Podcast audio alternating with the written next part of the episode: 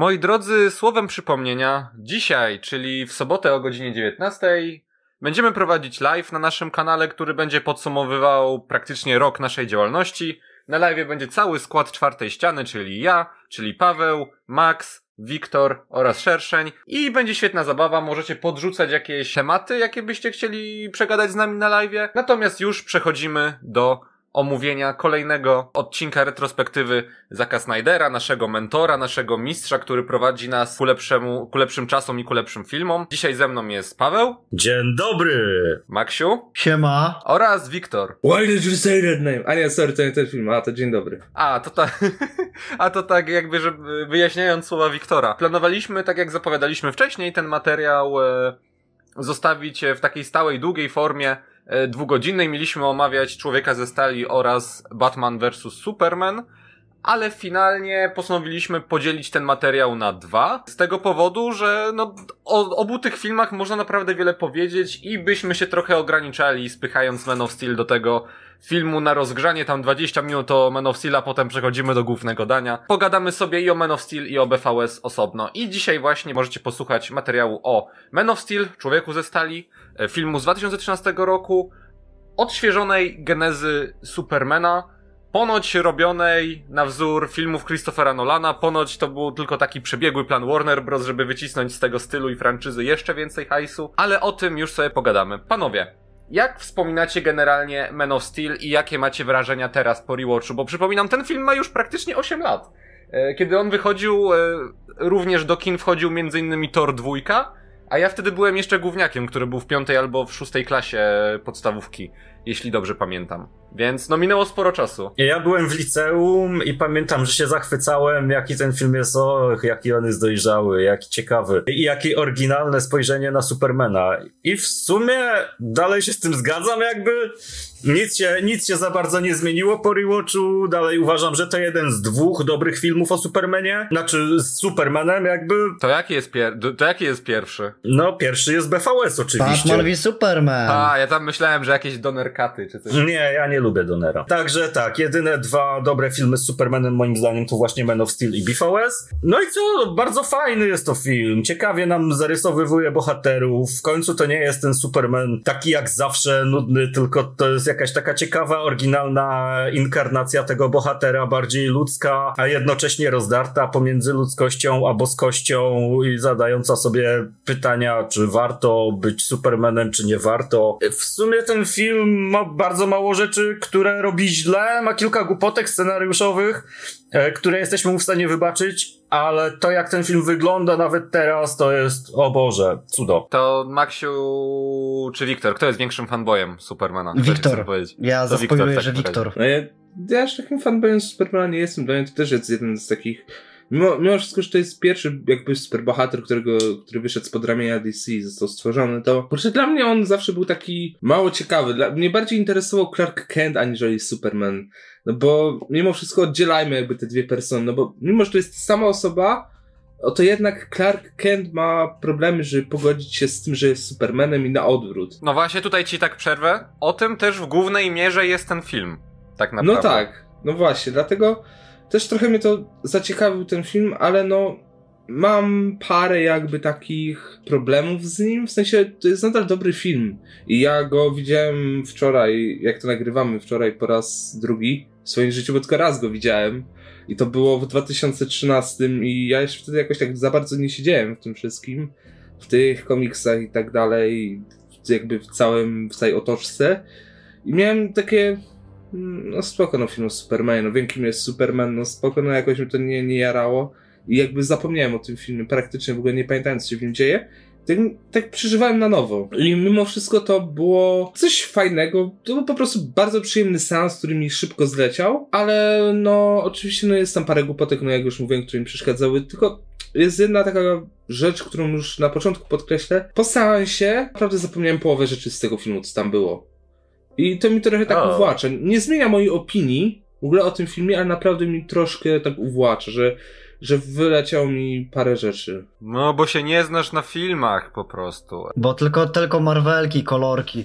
Nie, ja pierwszy raz ten film widziałem w gimnazjum, chyba w odpowiednim wieku, żeby wejść do tego Snyderyzmu. Wówczas moim ulubionym filmem wtedy to było Watchmen Snydera i jak tylko pojawił się film Superman, nie nazwany Superman, a Człowiek ze stali, to już wtedy moje takie gimnazjalne e, umysł mówił, kurczę, to jest głębokie bo to tak nazwali, wiecie, tak y, nie, nie Superman, a już człowiek ze stali, że to jest coś bardzo wyniosłego, takiego... Ten tytuł jest zaczerpnięty z komiksu o tym samym Nie no, tytule, wiem, ale więc... mówię co, jak myślałem mm, wtedy. Poszedłem na to do kina i kurczę, zachwyciłem się naprawdę bardzo mocno. Kochałem te wszystkie sceny, masakry, mm, jak budynki się waliły. Nie zwracałem nawet na uwagi na postaci.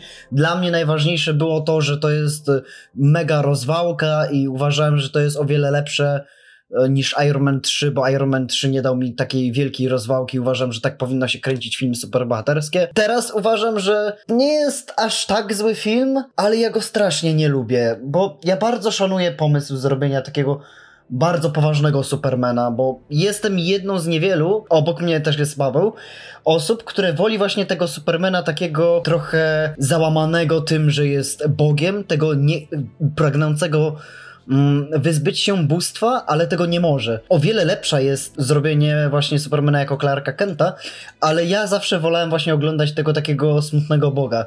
Nie wiem, czy to moje guilt pleasure, czy, czy, czy co innego, ale jak oglądam Man of Steel teraz, jak zrewatchowałem, to uważałem, kurczę, ten film strasznie jest przeciągnięty z tym wszystkim. Jakby wszystko to, co on chciał powiedzieć, to można by było spokojnie zamknąć w pół godziny, a dalej mamy masę jakiegoś bullshitu. Jest Louis Lane, która jest tylko i wyłącznie uh, Dame in Distress. Uh, jest generał Zod, który tak naprawdę nic nie robi przez cały film. I will tylko... find him! Mówi tylko, żeby I will find him i dopiero na koniec uruchamia ci tą ośmiornicę, która kupuluje z ziemią i w zasadzie tyle. Jest masa, sceny akcji są super, tylko że one no one w ogóle nie prowadzą do niczego. No, od po prostu Superman obija mordę Zodowi, a większy, przepraszam, przez większość czasu Zod obija mordę Supermanowi i tyle. Ja wiem, jest ten e, odpowiedź na te zarzuty, czemu rozwalają miasto, bo Superman się uczy, ale ja tego tak nie kupuję. W dodatku jest tu masa technicznie znakomite, ale moim zdaniem scenariuszowo to to jest naprawdę mocny średniak. Ja za bardzo nie lubię tego filmu. Nie, żeby był aż tak zły, ale ja, ja nie lubię Man of Steel. To, to ja powiem tak, bo ja się z tobą zgodzę z jedną rzeczą, że ten film to scenariuszowo jest faktycznie średniak. To jest średniak, który popełnia bardzo takie podstawowe, wręcz kardynalne błędy. Takie scenariuszowe, takich, których się nie powinno robić, gdzie widać, że scenarzyści, a przypominam, to nie Snyder pisał ten film, tylko Goyer. Myśmy tam, myśmy tam, Wiktor, patrzyli Goyer i chyba Nolan coś tam od siebie dokładał? Tylko Nolan robił te lepsze sceny, jakby. Znaczy, w Nolan w sensie, podejrzewam... Głównie, głównie Goyer... Nie, nie, Terio Batman v Superman. E, Goyer pisał scenariusz jakby do, do, jakby do Man of Steel'a, tylko Nolan jakby poprawki na prośbę Snydera tam robił. Więc, więc, więc było tak, że Goyer napisał scenariusz, przyniósł go do Snydera i Snyder jakby przez to, że no został jakby no namaszczony przez Nolana, żeby zrobić tego Supermana, no to jakby tak po koleżeńsku, no wiadomo, że są bardzo dobrymi przyjaciółmi, znajomymi, no to zgłosił się do Nolana, żeby tam luknął, pozmieniał i według mnie, gdyby Nolan nie miał jakby wkładu w ten film, to on by mógł wypaść troszeczkę gorzej. Bo tam widać bardzo dużo Nolana w niektórych momentach, zwłaszcza na początku, gdzie jest haha woda. Znaczy wiesz, to tego no Nolana to widać bardzo mocno, jeżeli chodzi właśnie o warstwę stylistyczną, oto takie próbę budowania wokół Supermana realistycznego świata. Co wiadomo, że to jakby są efekty tego, że trylogia Mrocznego Rycerza no była hiciorem. I no, chciał z tego Warner wyciągnąć jeszcze pieniądz. Ale ja nie o tym. Ja o tym, że ten scenariusz faktycznie jest, wydaje się być pisany trochę na kolanie. To jest, na pewno był świetny pomysł. I pomysł na to, żeby zrobić e, faktycznie tego Supermana, który, jak to powiedzieliście, jest rozdarty między byciem trochę człowiekiem, a trochę Bogiem, jest naprawdę super. I to jest wreszcie jakieś nowe, świeże podejście do etosu Supermana, którego generalnie nie było od dawna, bo był tylko ten harcerzyk zawsze, który jest fajny. No jak nie, no był jeszcze, komu- znaczy był jeszcze komunista. Ale filmowo, filmowo. Skupmy się wyłącznie na filmach, bo to, że jakby komiksy to jest kompletnie inna kwestia. I na przykład w tym scenariuszu widać, że są świetne pomysły i pewne rzeczy trzeba było połączyć E, stąd mamy takie debilne momenty jak e, Papa Kent, który biegnie po psa i zostaje wciągnięty przez tornado. To, to wygląda jakby.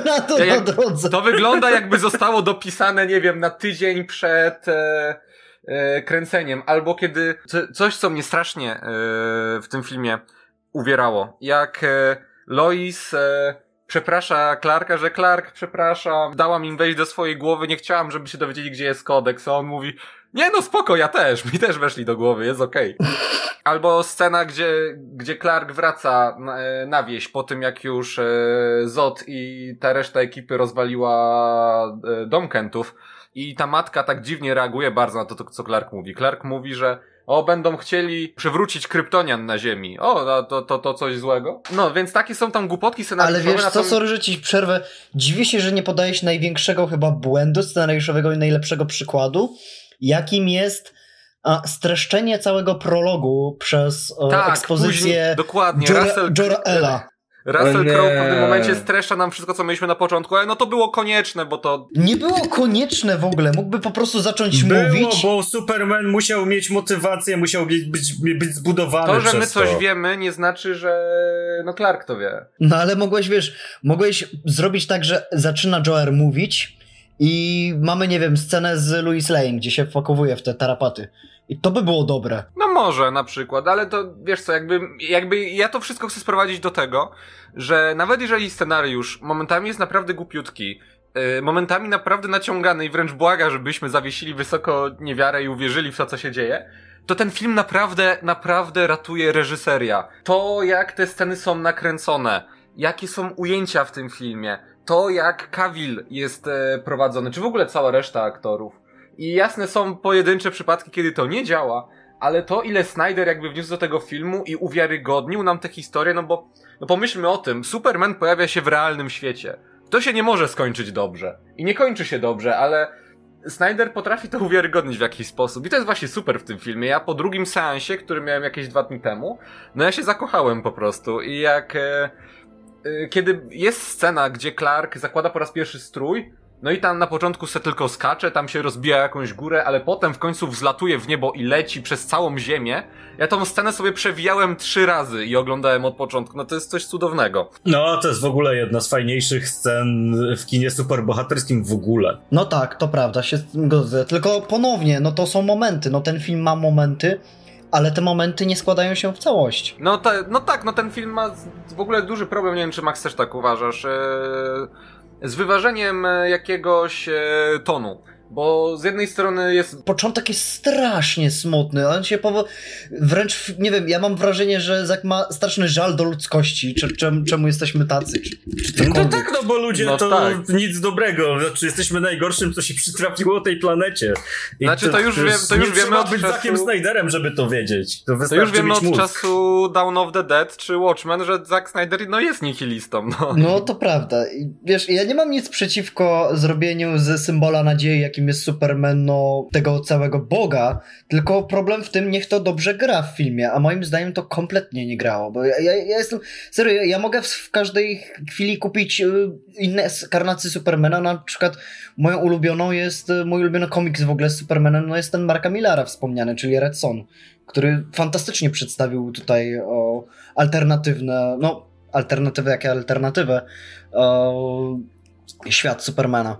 I jego kreację. Nie, no prawda, no Redstone jest ważny, ale mówiąc szczerze, ja tam akurat yy, nie przepadam. Animacja jest jeszcze gorsza. To ja, to, to ja powiem, że najlepszym live action historią Supermana jest inkarnacja Toma Wellinga w Smallville i deal with it po prostu. 10 sezonów pokazane jak Superman dorasta i swoje mocy odkrywa, no to w porównaniu do jednego filmu dwugodzinnego, no to jednak jest. No, Brzmi jak znakomity serial. Jak masz, nie wiem, pół życia, żeby oglądać takie coś rozwleczone. Albo masz masę czasu, wstajesz od, i od 8 do 20 oglądasz przez cały miesiąc 10 sezonów po 20 odcinków. Nie mów mi, że ty tak robisz. Tak zrobiłem. W niecałe półtorej miesiąca obejrzałem wszystkie 10 sezonów Smallville. Poza tym seriale ogólnie są swoją formułą. Ja wczoraj o tym rozmawiałem z Wiktorem z KFK. Pozdrawiam, Wiktor. Pozdrawiam, Wiktora. Pozdrawiamy, tak, serdecznie. Napisz, co sądzisz o Man of Steel, czy lubisz, czy nie. No dobra, my tak przeskoczyliśmy sobie do tego właśnie wątku tej yy, boskości, czy też pseudo-boskości Supermana, jakby ktoś powiedział. Natomiast ja bym chciał was właśnie zapytać o jedną rzecz, którą poruszył Max, czyli sekwencja na Kryptonie którą mówiąc szczerze, ja na przykład bym całkiem wydupił z filmu. A ja nie, to jest super. Russell Crowe w ogóle jako ten Jorel i no cudo, to w ogóle pięknie wyglądało i tam było dużo kolorków i wybuchy były i akcja w ogóle nie. Sekwencja na Kryptonie to jest jedna z fajniejszych rzeczy w tym filmie moim zdaniem. Ja bym ją jeszcze przedłużył, bym zrobił, ten film trwa tam ponad dwie godziny, to bym zrobił tak z godzinę na, no, z godzinę na Kryptonie i półtora na Ziemi i to by stykło. No Bardziej- słuchaj, jest, jest taki serial, który produkuje Goyer, nazywa się Krypton i on Ale się już go, nie rozgrywa na... już, już go nie produkuje, bo został anulowany. Tak, ale ten serial się rozgrywał na tym Kryptonie z Man of Steel, nie? Tylko ileś tam lat wcześniej. No, no generację wcześniej jakby. Ale, ale w ogóle ta sekwencja na Kryptonie moim zdaniem nie dość, że jest świetnie napisana i nas prowadza jakby, nie znasz Supermana, nie wiesz kim chłop jest. No to, to ci mówi wszystko. To jest origin story, które jest naprawdę dobrze napisane. Pomijając, że cały film to jest origin story, który jest całkiem okej napisane, to, to ta sekwencja na Kryptonie moim zdaniem się wybija dosyć mocno. No jest ślicznie nakręcona. Mimo, że większość tych rzeczy to jest CGI, to ona nie kuje w oczy, wygląda cudnie i no ja się jaram. I była płakuwa też już po, po, pod koniec sekwencji na Kryptonie, więc moim zdaniem to działa ide- idealnie jakby w konwencji całego filmu. W ogóle ja oglądając Man of Steel to nie zauważyłem ani jednej jakby takiej złej wersji CGI jeszcze, której my w ogóle tam CGI w ogóle jakoś nie, nie odstaje od, no wiem, że takie porównywanie od większości tych Marvelów, które mają bardzo dobry CGI, to, to w ogóle jest Man of Steel, ja nie widziałem żadnej, jakiegoś takiego żadnego złego użycia CGI, o, w sensie tej, wiecie, tego niedokończonego efektu czy czegoś, po prostu fajnie to wyglądało i nie, nie zwracałem na to uwagi jakby, nawet, nawet wiadomo, że zostało tam już te CGI, ale no oczywiście nie wyglądało tak i no ta sekwencja na Kryptonie, no to według mnie ona była bardzo potrzebna w tym filmie, bo i nakreśliła nam kim jest Zod, dla tych co nie wiedzą, nakreśliło nam jakby całą historię Kryptonu w tych no, 20, no 15 minutach pierwszych powiedzmy, pokazała jak bardzo ta rada Kryptonu była, byli hipokrytami. Ale no, kurczę, scena, w której to Zod zabija Jorela, własnego brata, no to mnie po prostu mm, rozwaliła, bo ja nie pamiętam w ogóle, jak, mów, jak mówiłem, nie, nie pamiętam tego filmu, raz go widziałem. I tutaj widzę, kurde, Zod zabija własnego brata Jorela. Ja tak sobie myślę, oho, Michael Shannon, no to już tu jedzie, ale no potem odpalił się jeszcze I will find him and I will kill him. find him! Nie! Fajny argument przeciwko argumentacji, która bardzo często pojawia się przy okazji filmów Snydera i to zarówno Man of Steel i i BVS. To znaczy, że Snyder wrzuca tam randomowe rzeczy z komiksów i jak nie znasz komiksów, to nie zrozumiesz. No, gówno prawda. Snyder buduje ten świat na podstawie świata z komiksów. I sekwencja na Kryptonie jest tego najlepszym przykładem, moim Tak, zdaniem. bo on tam, on nie musi nam zaznaczać, że Jorel i Zod są braćmi, bo to nie ma tak naprawdę jakiegoś większego znaczenia. I no spoko, my, my to wiemy, że oni są braćmi, no przyrodnimi powiedzmy, ale no jakby to niczego nie zmienia w rozrachunku, no bo i tak Zod jest tym złym gościem, który chce, no, rządzić światem po prostu, a Jorel jest tym dobrym gościem, który wysyła swojego syna w kosmos i chce uratować rasy, więc no zawsze tak było, jest i tak będzie. Ale wiesz co, tak ci powiem, że to, co jest akurat fajne w tym filmie, później też e, dostajemy takie dwa, może nie reveale, ale takie ma malutkie jakby twisty, które trochę zmieniają twoją perspektywę, kiedy oglądasz ten film, bo na początku Zoda masz kompletnie nieprzedstawionego. Zoda masz po prostu jako do tego gościa od I Will Find Him, który jest śmieszny. Jakby Michael Przez Shannon cały jest... film moim zdaniem taki Ma- jest. Michael Shannon jest tak cudownie przerysowany w tym filmie, co moim zdaniem akurat jest trochę wadą, bo jakby film, który jest dosyć poważny i który operuje takim i, i, próbuje być taki realistyczny dosyć, no ten Michael Shannon tam pasuje momentami jak pięść do nosa. Ale wiesz, z Natomiast- czego to wynika, Maciek? Przepraszam, że ci przerwę. To wynika z tego, że Dark Knight y, Returns, które wyszło tam, nie wiem, dwa czy trzy lata wcześniej, zarobiło jak na tamte czasy wszystkie pieniądze świata. Nie, A no ono- jasne, że tak. A ono było pomieszaniem poważnego, Rises. jakby z, y, Rises, no. Mm, Ono było po, pomieszaniem poważnego Batmana z, ze sztampą komiksową i z takim absurdem i przerysowaniem. I przyjęło się bardzo okej i zarobiło dużo, więc Warner mówił, no dobra, to zróbmy tak. Dla mnie to jest jak najbardziej naturalne jakby w tym filmie. No naturalne, ale to kompletnie nie gra. Nie wiem, jakby mnie to wybija. Natomiast później tego Zoda, jakby nam scenariusz ratuje, bo jest taki bardzo fajny, nawet bym powiedział refleksyjny moment, w którym e, tam Zod i Clark stoją po środku zrujnowanego Metropolis i Zod jakby wykłada dopiero teraz jakby swoją motywację, nie? Bo było powiedziane w tym filmie, że kryptonianie są od e, jakby kryptończycy, oni są od początku jakby programowani do danych celów. Mają tam w genach zapisany cel, jaki mają pełnić. Czy będą robotnikami, czy wojownikami. I Zod e, miał... Od zawsze był wojownikiem, on od zawsze musiał walczyć i miał chronić Kryptonu. To był jego cel. Kiedy Krypton zniknął, on już nie miał po co walczyć, więc jakby jest mu wszystko jedno i dlatego zrobi wszystko, żeby mieć z powrotem walczyć e, po, po coś i o coś. Jeżeli rozumieć, co mam na myśli. To jest fajne. E, ale tak samo jest twist e, z tutaj papą e, z Jorelem. On na początku jakby zakłada sobie, że Clark, jeszcze jako Kalel, ma polecieć na Ziemię i on tam sam mówi, że on dla Ziemian będzie Bogiem. Że... I że on ich poprowadzi, żeby jakby e, tam Ziemia się rozwijała itd., żeby nie popełnili tych samych błędów. Ale później Clark e, sam jakby ma okazję się zetrzeć z, z Jorelem. No i Jorel mówi, no tak, no jakby była taka opcja, że w razie czego przerobimy Ziemię na Krypton. I jakby oboje panowie nie mają do końca czystego sumienia. Znaczy, a wiesz, ale mimo wszystko Jorel jednak, on by jednak gdyby zobaczył Ziemię, no bo w sensie, no wiemy tam, że, no z komiksów znowu, że jednak Jorel kiedyś odwiedził Ziemię i tam jakby no spotkał Kentów, bla bla bla, no to w różnych tam wersjach było, w sensie tych starszych Kentów i jednak gdyby Jorel przyleciał na Ziemię z Clarkiem i mieliby na przykład opcję albo zostawić Krypton zniszczony taki jaki był, albo przynieść go tutaj, no to oczy- oczywiście, żeby zostawili zniszczony Krypton, no bo by cywilizację kolejną zniszczyli na poczet swojej, więc Jorel jednak mimo tych swoich grzechów i tego swojego jakby mm, nie chaotycznego podejścia, tylko takiego takiego, takiego idealistycznego w pewnych momentach, no to on by jednak tego nie zrobił, więc tym się jednak różni od Zoda, bo mimo wszystko, że oni mają podobne jakby charaktery, podobne chaotyczne decyzje, no to jednak, wiecie, to jest to przerysowanie typowego, że Jorel jest dobry, a Zol jest, Zod jest zły. No tak, i, trze- i trzeba to podkreślić, nie? Ale to po raz kolejny jest kwestia scenariuszowa, moim zdaniem. I, no tak, tak. A mi się bardzo podoba, że ten film y, nie jest jakby jednostronny i nie jest skrajny, tylko każdy z bohaterów ma swoje jakby wady i zalety i jest moralnie szary. Bo nawet Superman w tym filmie jest moralnie szary. Jest szary Bo- jak warstwa kolorystyczna tego filmu.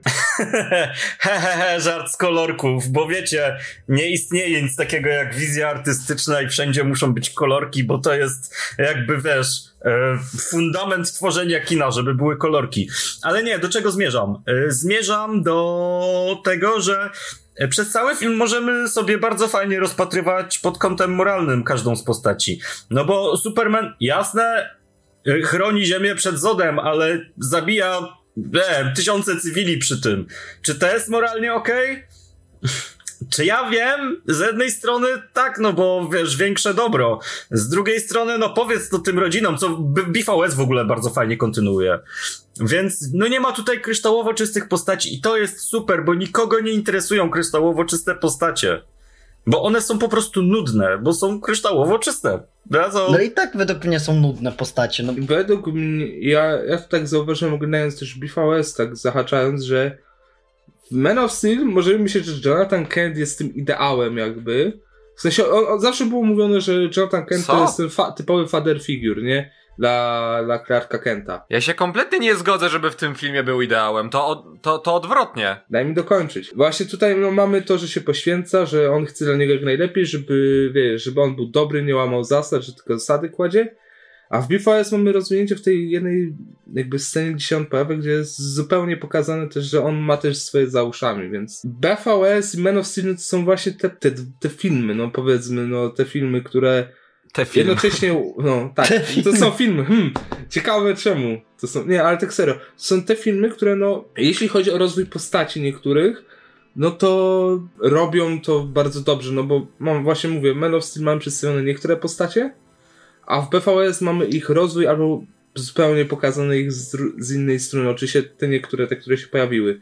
Więc to też bardzo dobrze gra z tym, według mnie, co Snyder chciał przekazać, no bo też tu zahaczę o to, bo haha, szare kolorki, nie, wcale nie szare kolorki, bo tak naprawdę jak ja oglądałem Man of Steel, to mi się wydawało, że Snyder po prostu on naturalne oświetlenie, w sensie, że tam jest naturalne oświetlenie pojawia się w tym filmie, że to jakby wiecie, że światło przebija się przez drzewa, no to w niektórych miejscach jest ciemniej, no wiecie o co chodzi w każdym razie.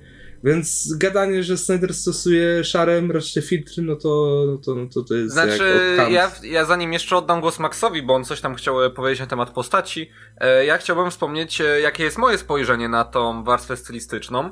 E, no bo właśnie mówisz o tym takim oświetleniu, takim momentami trochę nienaturalnym. Takie, No właśnie nie, właśnie, tak- właśnie naturalnym. Ale, nie, no właśnie, Michał, ale no nie wiem, stary, niektóre sceny wyglądają nawet wręcz jakby były odrobinkę celowo e, prześwietlone i w ogóle wszystko jest takie właśnie trochę szaro-bure, nie? I moim zdaniem to jest naprawdę spoko, bo ten film, nie wiem, spróbujcie kiedyś na normalnych ustawieniach aparatu, na aparatu, na automatycznych wyjść na zewnątrz z samego rana, tak powiedzmy o czwartej. To wszystko jest wtedy takie szaro-bure. I ten film jest nakry- nakręcony... W, w sensie w lecie. W lecie, tak. I ten film jest właśnie nakręcony w kolorach świtu. No, dla Clarka jest to w jakiś sposób, jest to dla Clarka w jakiś sposób początek jego drogi, jego świt. E, To jest Superman, który dopiero swoją przygodę z niebiesko e, czerwonym strojem rozpoczyna i to jest e, naprawdę fajny zabieg. Zwłaszcza, że wcześniej w tej sekwencji na Kryptonie której ja akurat nie lubię, bo trochę mi się gryzie z tym realistycznym tonem całości. Tam dla odmiany mamy zmierzch. I wszystko jest w tych czerwonych kolorach zmierzchu. I to jest e, naprawdę świetny zabieg. No i no, sądzę, że to Snyder akurat padł na ten pomysł. Snyder albo Nolan, bo to jest za mądre, żeby Goyer to wymyślił. Nie, to naprawdę. jest Snyder, bo zahaczmy tutaj naszą retrospektywę Watchmen, gdzie w Watchmen podobny zabieg był właśnie zastosowany. Ze ściemnianiem, nie? Tak, no, to tutaj masz właśnie ten świt, w końcówce masz takie ściemnienie właśnie, że to jest, są mroczne czasy dla Ziemi, pseudo, że to jest e, waga, w sensie waga świata, bla, bla, a potem jak to się wszystko kończy, no to jest jednak Jest taki jasny dzień, nie? Tak, właśnie tu na końcówce jest y, jak ten, jak Clark Kent idzie przez ten, przez cmentarz, y, w sensie na cmentarzu się ze swoją matką jakby idzie odwiedzić ojca, grubojca, to jest takie bardzo ładne, w ogóle filtrów tam chyba nie ma żadnych, to jest takie właśnie naturalne oświetlenie, jakie tam było, bo tam tylko parę drzew jest, jest taki typowy cmentarz jakby w Ameryce, no. Tak kończąc tą kwestię filtrów oświetlenia, według mnie to tu wszystko bardzo ładnie się komponuje i wybrzmiewa, no i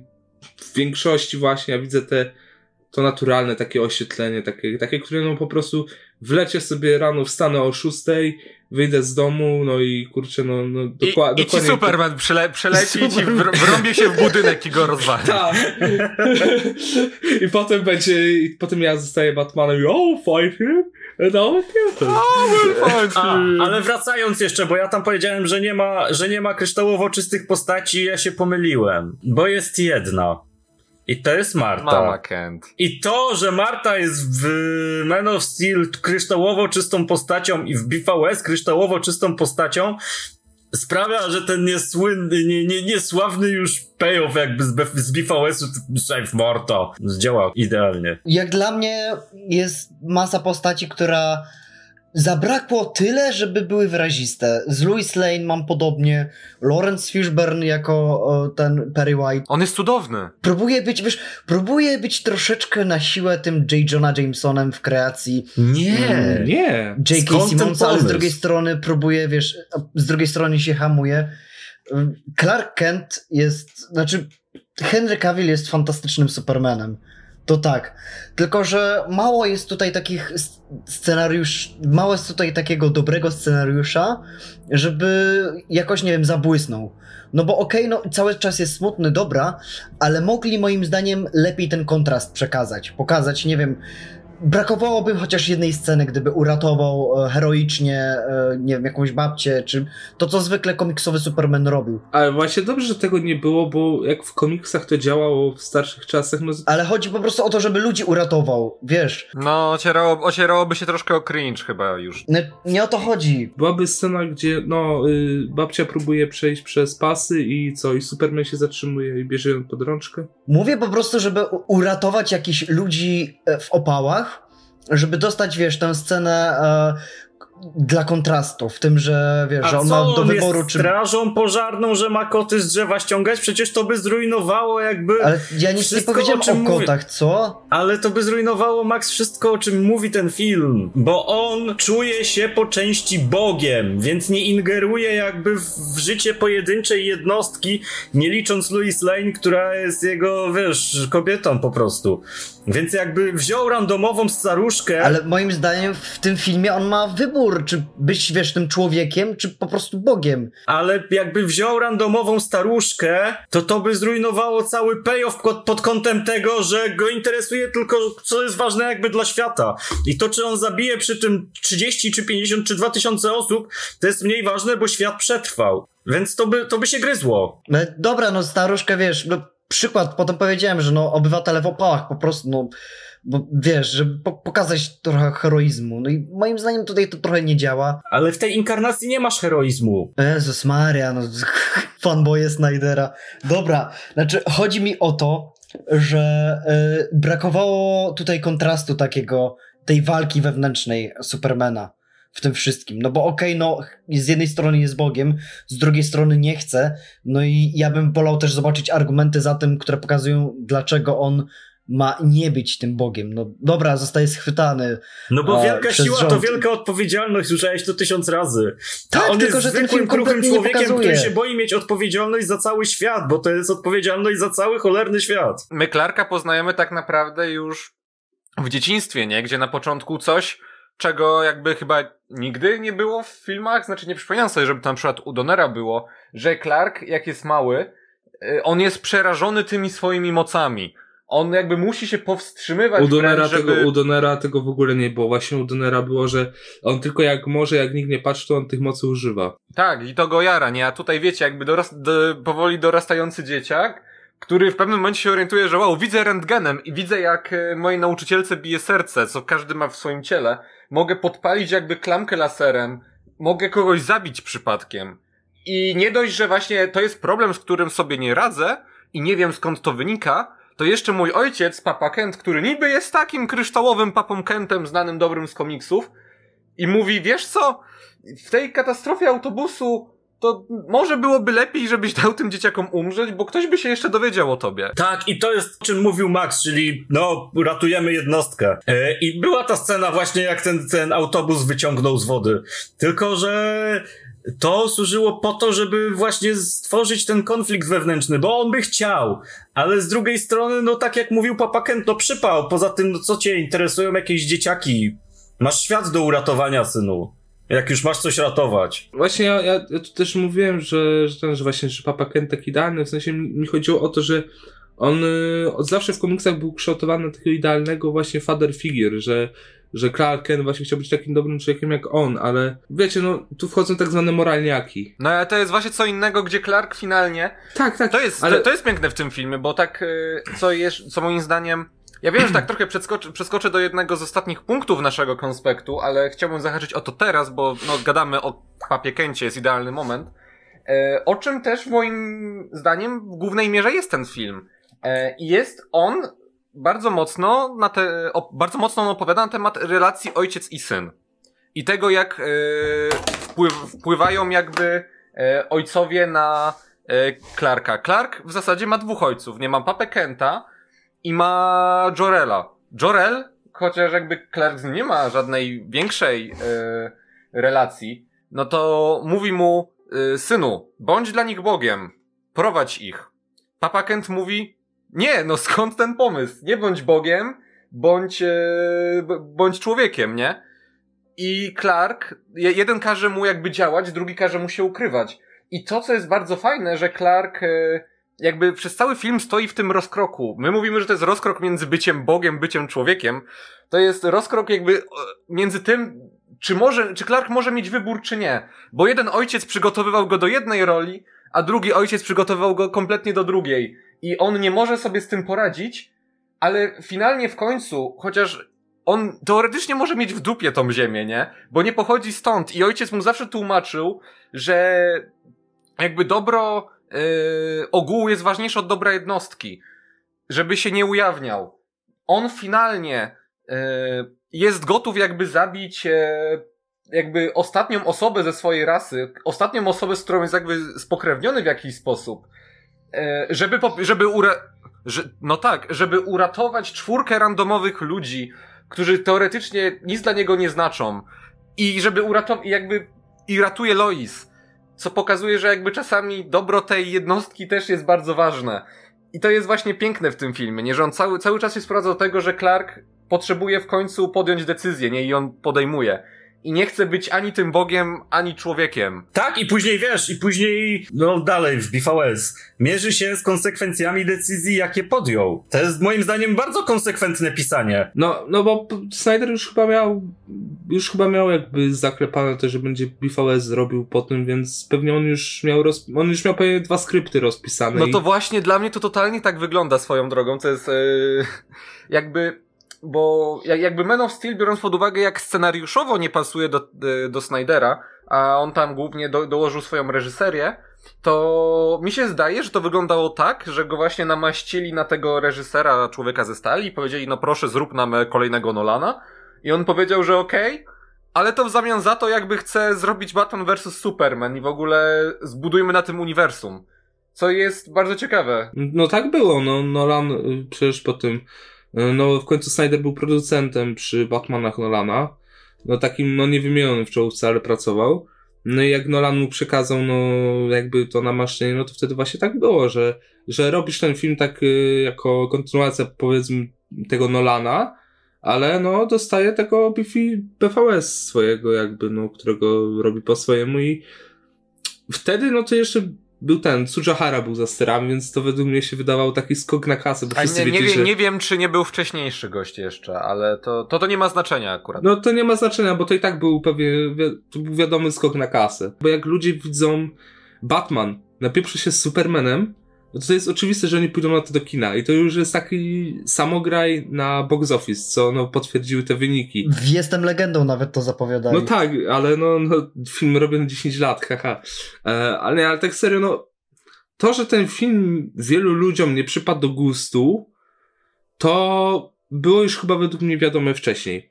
Po Man of Steel, bo wiele ludzi no po prostu nie polubiło tego stylu Snydera, tego patosu jakby, który on tam którym tam wybrzmiewa i wiedzieli, czego mniej więcej się spodziewać po Batman vs Superman, więc oni chyba jednak wiedzieli, że okej, okay, Snyder zrobi nam to, tego Batman vs Supermana, jak on tak bardzo chce i potem, no, zamknie to swoje uniwersum, tym Justice League, bla, bla, bla. Kurczę, jednak to, co jakby doprowadziło do tego wszystkiego, to według mnie jest in plus, bo przynajmniej Snyder miał jakby tą swoją wizję, tak jak Nolan, że on robił te wszystkie trzy filmy, które chciał, tak samo Snyder tu by zrobił, a nie, że on robi Man of Steel'a i BVS, tam na przykład właśnie Justice League by, powiedzmy, że Snyder by nie otrzymał tylko Whedon. I to by się nie trzymało sensu. Tak, tak, znaczy, przykład... no te filmy to jest tryptyk, nie? Który ma jakby tak, się tak, tak, w jakiś tak, tak. sposób składać na rozwój tych postaci po prostu. Tak, właśnie o tym mówię. Dlatego na przykład y, trylogia sequeli Star Wars nie działała, bo tam każdy film robił inny reżyser. Ja ci się wetnę na chwilę, bo to y, pokazuje też, y, jaka jest przewaga Man of Steel na przykład znaczy ja bardzo nie lubię używać tego określenia, że o, że filmy DC są lepsze niż filmy Marvela, nie? Bo filmy Marvela ja też bardzo lubię i one mają sw swój wierny fandom. Ale chodzi mi o to, że mimo tego, że Man of Steel BVS i prawdopodobnie tak będzie z Justice League, mimo tego, że jakby one wszystkie są w ramach łączonego uniwersum i tak samo było z Suicide Squad, tak samo było z Wonder Woman, nawet jeżeli to były różne pod względem jakości filmy. Te filmy, mimo tego, że one się łączą w uniwersum, one są dużo bardziej standalone aniżeli jakikolwiek film Marvela bym powiedział. Bo Man prawda. of Steel możesz oglądać absolutnie bez BVS i będziesz mieć yy, ciekawe nowe podejście do Supermana. Man of Steel jest o tyle dobrym standalone filmem, że nawet bez znajomości poprzednich filmów możesz do niego wejść. Nie ma poprzednich filmów. Jakie Ale nie, w sensie mówię, że filmy? ogólnie, mówię, że ogólnie bez znajomości jakichkolwiek poprzednich filmów DC, które kiedykolwiek powstały. Aha. No nie wiesz, kim jest Super. Ja tak oglądałem bez znajomości wcześniej Nolana, bo jeszcze byłem przed w ogóle seansami Nolana. Załapałem, kim jest Superman. W, w sensie też tam wcześniej wiedziałem, kim jest, ale ten filmowy, bo na początku byłem pewien, że ten film, ale to byłem jeszcze w takim małym gimnazjalistą, że to jest kontynuacja tych donerów. bo Man of Steel i tak dalej. Ale wiesz co, ja tak samo, ja tak samo idąc na BVS, ja byłem przekonany, że to jest kontynuacja Nolanów, więc tak trochę XD. A propos, ja byłem pewien, że The Amazing Spider-Man to jest e, czwarta ja część Raimiego. tak samo, jakby... Do momentu obejrzenia to w kinie i zobaczenia pierwszej sceny retrospekcji, to był mój największy zawód. Nie, ale wiesz co, się- zobacz, że to pokazuje, że jasne, można się tak mylić, ale z drugiej strony widzowie nie są głupi i ludzie mają takie coś, że pierwszy film o Supermanie po takim czasie i to właśnie takie były zarzuty wobec Man of Steel, że on powinien być tym klasycznym Supermanem, tak samo jak Batman w BVS powinien być klasycznym Batmanem i dopiero potem po paru latach byśmy mogli eksperymentować. Jakby kuźwa, Batman i Superman to są postacie, które zna każdy, kto nawet nie czyta komiksów i nie ogląda filmów. One są tak popularne, że nie mu i są te ich toposy tak znane, te, trzy, tak szeroko rozumiane, że możesz tak naprawdę już z nimi robić cokolwiek w tym momencie. Są tak dojrzało popkulturowe postacie, no. I z Supermanem to się udało. Zwłaszcza, że ten film z Supermanem no, okazał się sukcesem finansowym, no bo Nie, tam, nie okazał miał, Nie okazał nie, się. bo miał 225 milionów budżetu, a zarobił prawie 700 milionów, więc mimo wszystko po takiej, to się jakby na taki nowy standalone film, taki eksperyment, no to według mnie to jest y, dobry wynik finansowy. No może. Ja myślę, że Superman powinien miliard wycisnąć. Nie, ale Maciek, wiesz, patrzymy jeszcze przez perspektywę roku 2013, gdzie no nie każdy film ci za- zarabiał miliard. No nie miałeś jeszcze Jurassic Worldów, nie miałeś Nie, nie, Minionków. mia- nie miałeś Marvelów. Miałeś Marvele, mia- byłeś już po drugiej... Były Marvel, ale pierwsze Avengersy nie zarobiły miliarda chyba. Oczywiście, że nie. No właśnie o tym mówię, że no nie miałeś jeszcze tych takich, gdzie proszę bardzo, wchodzi ci Kapitan Ameryka Civil War, już miliard, to jest, to, to wiadomo. Wchodzi Black Panther, miliard. A Nie, no te- tak, no masz rację, to jest trudno. inna perspektywa czasowa mimo wszystko. To się z- muszę, zgodzić. Tylko Bo to, co chcę powiedzieć, mimo że nie lubię tego filmu, to i wiesz, cało troszeczkę to legnie w gruzach, moim zdaniem, ta perspektywa, ta wizja Supermana, to i tak szanuję Zeka za to, że podołał się temu, bo co o wiele trudniej jest zrobić realistyczną, no, quasi realistyczną wersję Supermana niż e, Mrocznego Rycerza, moim zdaniem. Sorry, wróćmy. Pierwsi Avengersi przebili miliard, zarobili półtorej Tak? miliarda. Oj, no No, dobra. ale to, no, no ale to był taki, wiesz, wszyscy mieli wtedy usta rozdziawione ze zdziwienia, że co, jak to? No tak, jak to to, miliard? pierwszy- to Tylko był jednak- awatar wyciągnął miliard. No nie, bo to był ten pierwszy jakby taki, no powiedzmy sobie szczerze, to był taki duży film na tamte czasy. nie liczymy Avengers, bo Avengersy były crossoverami, zbiorem tych wszystkich postaci, które, które było konkluzją. A Man of Steel był początkiem nowej marki w zasadzie, nie? No właśnie, to było o jednej postaci, a nie o sześciu zbiorowych, więc. Zwłaszcza, że z, zobaczcie, nawet jeżeli na trailerach i, e, i na plakatach jakby był ten klasyczny Superman z eską, to znaczy wiemy, że to nie jest eska, tylko tam symbol nadziei, nie?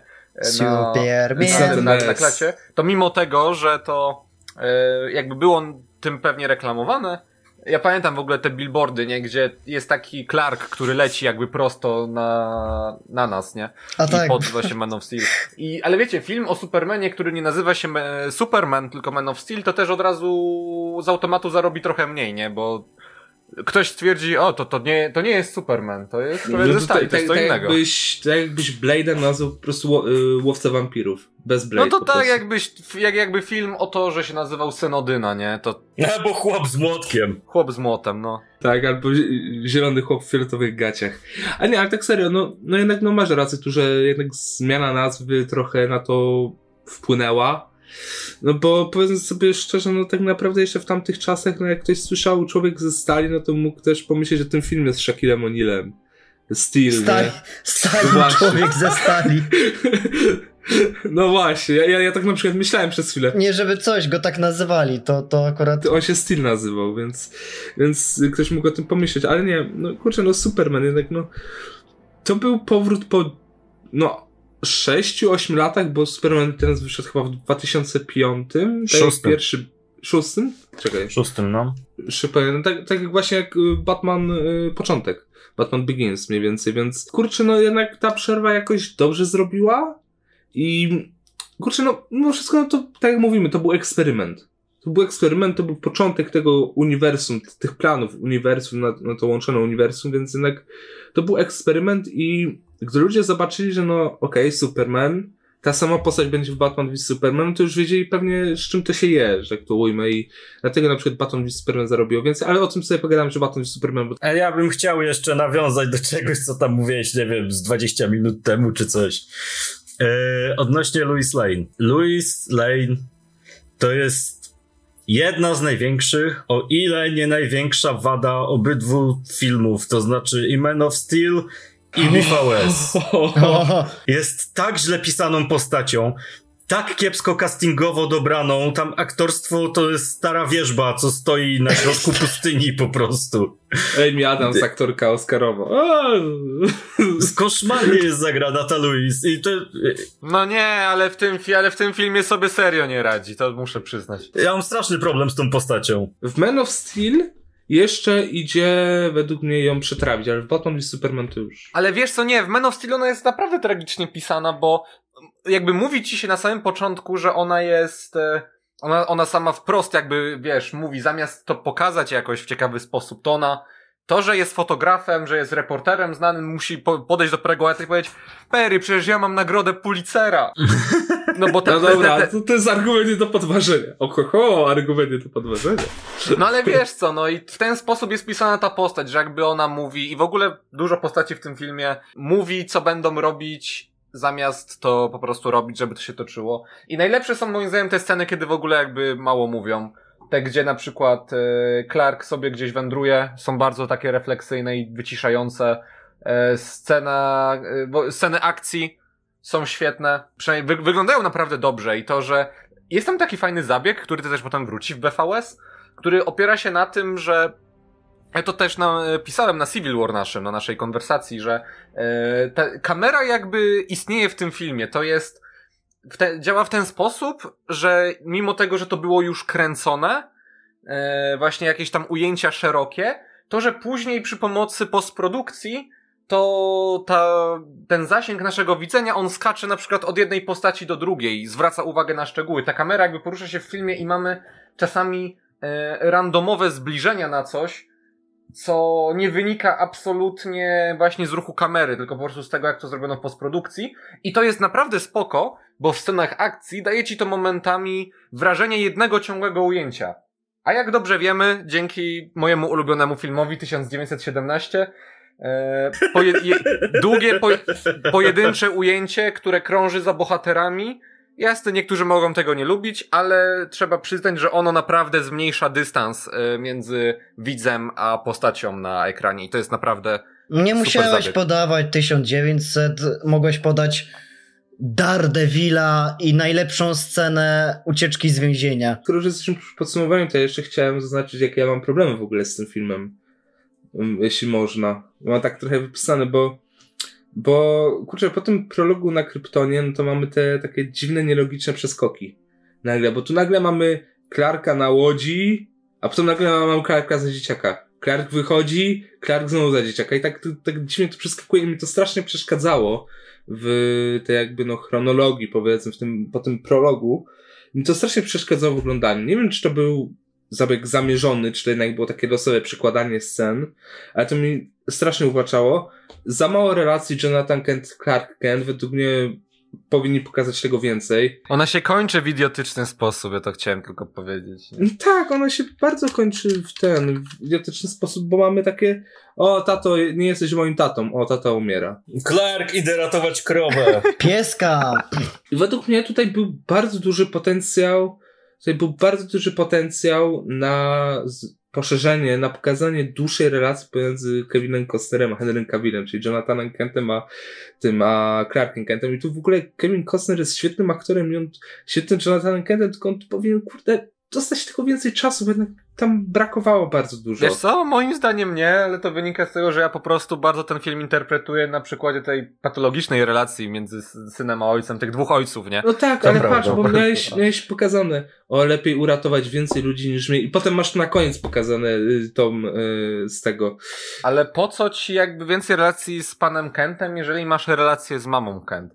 I relacja z mamą Kent jest fantastyczna. To jak zarówno ona Tylko nie mamy może Kent, sobie... mamy Kent masz na dwa filmy, a Jonathana Kenta masz tylko do jego Na śmierci. dwa filmy. No wie, ale wiesz o co mi chodzi. Zazwyczaj Jonathan Kent, kie- kiedy się kończy relacja Clarka Kenta z Jonathanem Kentem, jak Jonathan Kent zawału dostaje. No, Znaczy, no kurwa, jest to głupio pisane, jest to trochę lepione na ślinę te kartki scenariuszowe, bo najwyraźniej... No bo było parę fajnych pomysłów i ty, tylko, że Goyer nie umie po prostu pisać scenariuszy i potem musiał to Nolan jakoś łatać.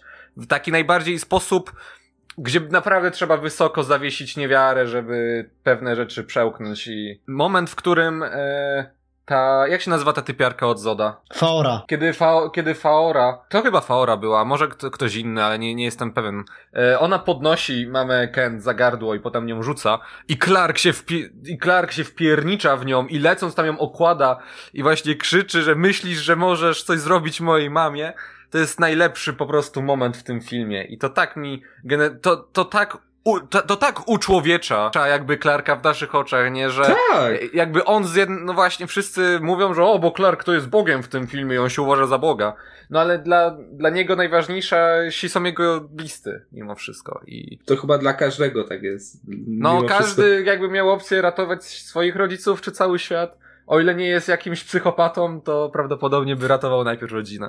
No ja już tak krótko chciałem dokończyć te problemy, no końcówka mi się troszeczkę dłużyła. Ojeju, tak, ona, finałowa walka jest tak przeciągnięta. I to nie tyle, i to nie jest tak, że ja krytykuję Snydera. Największym błędem też było to właśnie w, w Shazamie.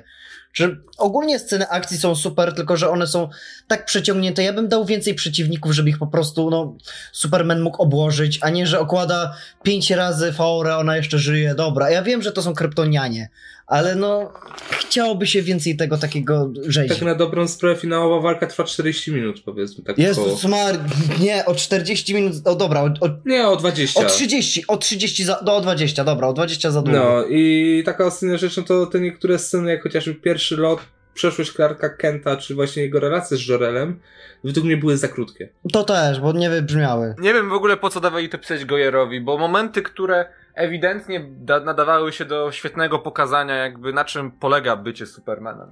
E, no, wy, są za krótkie i, nie zda- i czasami nie, potra- nie zdążą wybrzmieć, a te momenty, gdzie na przykład Lois Lane jak kurczak bez głowy biega po statku i Jorele jej mówi w lewo, w prawo. Ej, Za ale to tobą. było akurat bardzo śmieszne. Głupie A to jeszcze strasznie. chciałem zaznaczyć, że Man of Steel za, na CinemaScore zaraz po jakby po seansie dostał A-, więc to jest bardzo dobra ocena. Dobra, to, to ja o wadach jeszcze. To jeszcze o wadach i to tak i podsumowanko już każdy krótkie potem. Tak, no to ja sobie połączę, pozwolisz. Wady. Louis Lane, największa wada tego filmu. E, głupotki scenariuszowe, które czasami są klejone na ślinę. E, i, faktycznie, I faktycznie ten film ma problemy z tempem. Ma problem. I po, powinni go przemontować jakoś. Najlepiej, żeby Snyder go przemontował. Tak, i nawet, nawet nie to, że on jest za długi, tylko poszczególne sekwencje mają niewspółmierne jakby czasy trwania do ich wydźwięku. E, a tak podsumowując, moim zdaniem bardzo dobre kino, najciekawszy Superman, polecam każdemu. E, I jeszcze chciałem tutaj nawiązać tam kiedyś, dawno temu, e, na napisach końcowych, to jeszcze nie były napisy końcowe wtedy, tylko Nienazwany nienazwany podcast podcast, filmowy. filmowy. Gadali sobie właśnie o Man of Steel i tam chyba Oskar Rogowski powiedział, że to jest ze sceny akcji w tym filmie, to, to jest jego spełnienie snów o Dragon Ballu aktorskim. E, I muszę się z tym zgodzić. Tylko, że według mnie no to żaden przytyk, tylko, tylko wiesz, e, gloryfikacja swego rodzaju tych scen. I jak z całą ich opinią o tym filmie się nie zgadzam, tak z tą jedną rzeczą się muszę zgodzić. Znaczy, no właśnie, Oscar I- powiedział, że film jest. Oscar powiedział, że wymienił rzeczy, które w tym filmie są super, jego zdaniem. Na co Mruwa odpowiedział, yy, bo pamiętam to doskonale. Man of Steel jest chujowy, o czym wy w ogóle gadacie. Głos mrówy w głowie się odezwał i dokładnie to powiedział i tak Ta, znaczy ja też, ja, ja, ja, ja- ja w ogóle przez to, że tyle słuchałem e, Uncle Mrówy w swoim czasie, to ja wszystko jakby potrafię sobie jego głos w głowie e, odtworzyć. Tylko, że nie wiem, czy ten materiał jest jeszcze gdzieś dostępny. Chyba nie, chyba gdzieś już zatonął w czeluściach internetu. A szkoda, bo nienazwany podcast to były o wiele lepsze napisy niż są napisy. Ale nieważne. Man of Steel to jest fantastyczne kino. Uwielbiam. Znaczy uwielbiam, no dałem temu chyba 7 czy 8 yy, i to nie, tak, i to nie jest nic wybitnego, ale to jest bardzo dobra rozrywka, podsycona e, filozoficznym jakby przesłaniem, przemyśleniem e, i zostawiająca jakby z, z pewnym obrazem człowieka, Boga, który upadł w głowie. I jest pięknie kontynuowana. Nie podoba mi się ten film mimo wszystko. Okej, okay, technicznie i muzyka to jest najlepsza rzecz, jaka w ogóle mogła się przytrafić kinu superhero. Super, ale jak dla mnie masa rzeczy tutaj zbyt za bardzo siada, żebym mógł lubić ten film i żeby dla mnie był to dobry film. Według mnie lepszą alternatywą, jeśli chodzi o tego takiego Supermana, e, Boga, który się stacza, jest mega mocny, bo tam to zostało o wiele lepiej przeprowadzone. Mimo tych małych wad, y, tych, które mi naprawdę przeszkadzały w oglądaniu, i no, tych nierówności, tych dziwnych przeskoków w czasie, które sprawiają po prostu, że oglądanie tego jest momentami uciążliwe, to dalej to jest dobry film. W się serio, to jest dalej dobry film. Fajna historia, to jest fajne przedstawienie, wprowadzenie postaci. No, kurczę, no to jest standalone film, który ma jakby rozpocząć to uniwersum. No, Iron Man pierwszy też jakby nie był takim perfekcyjnym filmem 10 na 10. Też miał tam parę głupotek, które właśnie tak go definiowały. No może nie był aż tak E, dziwnie przerobiony jak właśnie Man of Steel, ale no, kurczę, te filmy naprawdę da się zestawić ze sobą, jak już mielibyśmy zestawiać i według mnie obydwa są dobre w tym, co robią, czyli pokazują jakby tego bohatera od początku do końca, jakby w sensie od, od rozpoczęcia filmu do końca filmu w taki sposób, że on się rozwija, przechodzi jakąś drogę, Yy, może nie wyciąga jeszcze wszystkich wniosków, bo oczywiście wiadomo, musi tam rozwój przez następne filmy nastąpić, ale no, jakoś tą drogę przechodzi i no kurczę, to jest naprawdę dobry film. No, nic więcej nie mogę powiedzieć. No, bawiłem się fajnie, naprawdę, ale no, no, no kurczę, no, no czekam, co, co zrobią w Justice League, ale to, już potem. No to ja powiem tak, jakby ten film to jest na pewno super rozrywka i fantastycznie mi się go teraz oglądało przy rewatchu. Natomiast jakby no ciąży na nim bardzo dużo rzeczy. Znaczy, taki ogromny ciężar na nim spoczął. Spoczął na nim ciężar odpowiedzialności za to, by kontynuować w jakiś sposób ten styl i dziedzictwo yy, trylogii Nolana. To, że trzeba było na nowo opowiedzieć historię Supermana, ciążył na nim na pewno David Goyer, który nie potrafi pisać dobrych scenariuszy i nie wiem, co on jeszcze jakby robi w Hollywood. Mam nadzieję, że w końcu jakby ludzie zauważą, że lepiej nie dawać mu żadnej produkcji. Natomiast yy, to, co właśnie powiedziałem wcześniej, ten film ratuje mocno reżyseria, ratuje to, co Zak dołożył do tego filmu, mimo tego, iż teoretycznie nie powinno mu zależeć, nie? Bo ten film wygląda naprawdę jakby on go dostał po to, żeby się rozkręcić przed e, BVS. I, ale już tutaj widać jego e, pieczołowitość, widać jego przywiązanie do najdrobniejszych detali, e, do tego, ile on e, swojego stylu na to przelewa. I taki dziwny mariaż e, Supermana i stylu Snydera teoretycznie powinien zakończyć się katastrofą, a moim zdaniem wyszedł z tego fajny eksperyment, który no, no stał się podstawą po coś więcej, nie? I za to na pewno Man of Steel powinien być doceniony. Obejrzyjcie koniecznie, wyróbcie sobie swoją własną opinię, no my mamy jaką mamy. A ja bym chciał jeszcze dodać tutaj do wypowiedzi Wiktora, gdzie tam zastawiał sobie Ironmana z, Bifa, z Man of Steel. E, to moim zdaniem Man of Steel jest o wiele ciekawszym i w gruncie rzeczy lepszym rozpoczęciem uniwersum filmowego niż Iron Man, który był bardzo bezpiecznym filmem. Znaczy to też, to, to, to jest w ogóle ciekawe, nie? Bo Man of Steel nie miał być początkiem uniwersum, początkowo, miał. a nie, na początku nie zakładano, że to będzie początek uniwersum. Na początku to miało być początek e, pięciu filmów w ogóle i miało być pięć filmów z Supermanem, z tego co tam mi wiadomo było i dopiero potem stworzyli z tego, a dobra, to z sequelem nie będzie Man of Steel 2, tylko to będzie Batman v Superman. Mm, no, ale nie, no ja tu Paweł, no ja oczywiście, ja, ja nie mówiłem, że, że ten, że to tak, że, że nie jest bezpieczne. No, Man of Steel właśnie jest o tyle fajny, że tam, no, Snyder ma, powiedzmy, tą wolną rękę i on nie ma jakichś wyznaczonych ram, w których ma operować. E, nie no, miał wyznaczoną ramę. Trzymaj się tego, co robił Nolan. Takie mam wrażenie. Ale nie, nie, w sensie nie o to mi chodzi. Nie, nie chodzi mi o ramy takie, że ktoś co inny robił, tylko właśnie w Marvelu masz bezpieczeństwo takie, że tam PG-13 to musi być, a tutaj mamy tak. Mamy tutaj rozwalane statki, mamy rozwalanie ludzi, który no, pryska krew. W niektórych momentach widać, że krew pryska normalnie. Mamy tą brutalność, więc... To nie zwróciłem uwagi na krew kompletnie, naprawdę? Smallville, jak, jak są i walczą, no tam w niektórych momentach, jak się wpieprzają te, ci ludzie z no to na przykład jest y, facet w tym, w odrzutowcu, no to on się w niego wpieprza i normalnie tam krew błyska. To nie Jest pamiętam. Musiałem nie zauważyć. Może na Netflixie jest jakaś ocenzurowana wersja. W tym momencie, jakbym miał wybierać, co sobie jeszcze raz obejrzeć, no to mimo wszystko wybrałbym Ironmana, ale szanuję, że właśnie Snyder nie poszedł w takie bezpieczeństwo, jakim był Iron Man, więc Man of Steel, no, no, no, no dalej jestem jakby pod, pod, pod kątem wolności kreaty, k- kreat, a, wolności twórczej jest lepszym filmem. O, o A to ja bym powiedzieć. zamiast, jakbym miał wybór, czy oglądać Iron Man czy Man of Steel, ja bym obejrzał Man of Steel tylko nawet i wyłącznie dla sekwencji lotu Clarka, bo no to jest kino, moi drodzy. E, No, no ja bym dobrze. obejrzał zamiast tych e, originów, bym obejrzał z originu Captain America First Avenger. O nie, to jest najgorszy film Marvela. Co, Nie. co, co ty Najlepszy. mówisz? Nie. Nie. O nie! Paweł, wyjdź. Co ty tu robisz? Ja nienawidzę tego filmu, on jest tak nijaki. Hater wszystkiego. I tym pozytywnym akcentem e, będziemy kończyć przynajmniej tą część, bo my możliwe, że teraz, możliwe, że później będziemy dogrywać jeszcze jakby o kolejny rozdział e, o Batman vs. Superman Świt Sprawiedliwości, który będzie zwieńczeniem naszej e, trylogii, też trylogii, naszej serii retrospektyw e, Zaka Snydera. Natomiast tutaj e, się taktycznie z wami żegnamy, no bo to będą dwa osobne materiały. E, na omówieniu Man of Steel byli ze mną Paweł. Na razie oglądajcie Man of Steel i oglądajcie filmy Zaka Snydera, bo to jest cudowny reżyser, powtarzam to po raz e, dziesiąty chyba. Max Nie oglądajcie Man of Steel. i Wiktor. A róbcie co, co chcecie, papa. A obejrzyjcie Small, obejrzyjcie Smallville, tak. Właśnie obejrzycie Smallville zamiast tego. Lepsza historia. A ja jestem Maciek. Przypominam, dzisiaj o 19 live na naszym kanale. Może jak będziecie chcieli pogadać, to jeszcze sobie pogadamy o Men of Steel, o tych rzeczach, o których nie porozmawialiśmy, a może ich tam jeszcze parę było. E, Natomiast też e, oczekujcie kolejnego materiału właśnie o BVS, który za niedługo będziemy nagrywać i czekajcie na Justice League Snyder Cut już naprawdę niedługo, moi drodzy, jesteśmy już Sześć tak naprawdę dni! na sześć dni przed Sześć dni! Sześć dni, kiedy Ej, zadebiutuje prawdziwe to kino. w, w czwartek wychodzimy, dopiero będziemy oglądać w piątek, ale wychodzi w czwartek, więc pięć Nie, w dni. sobotę oglądamy. W jaką sobotę? Co ty pierdolisz? Maciek mi mówił, że w sobotę.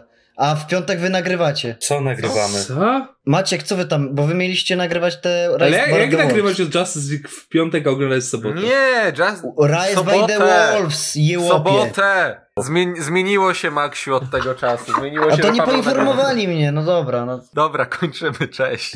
Na razie, hej. Papa.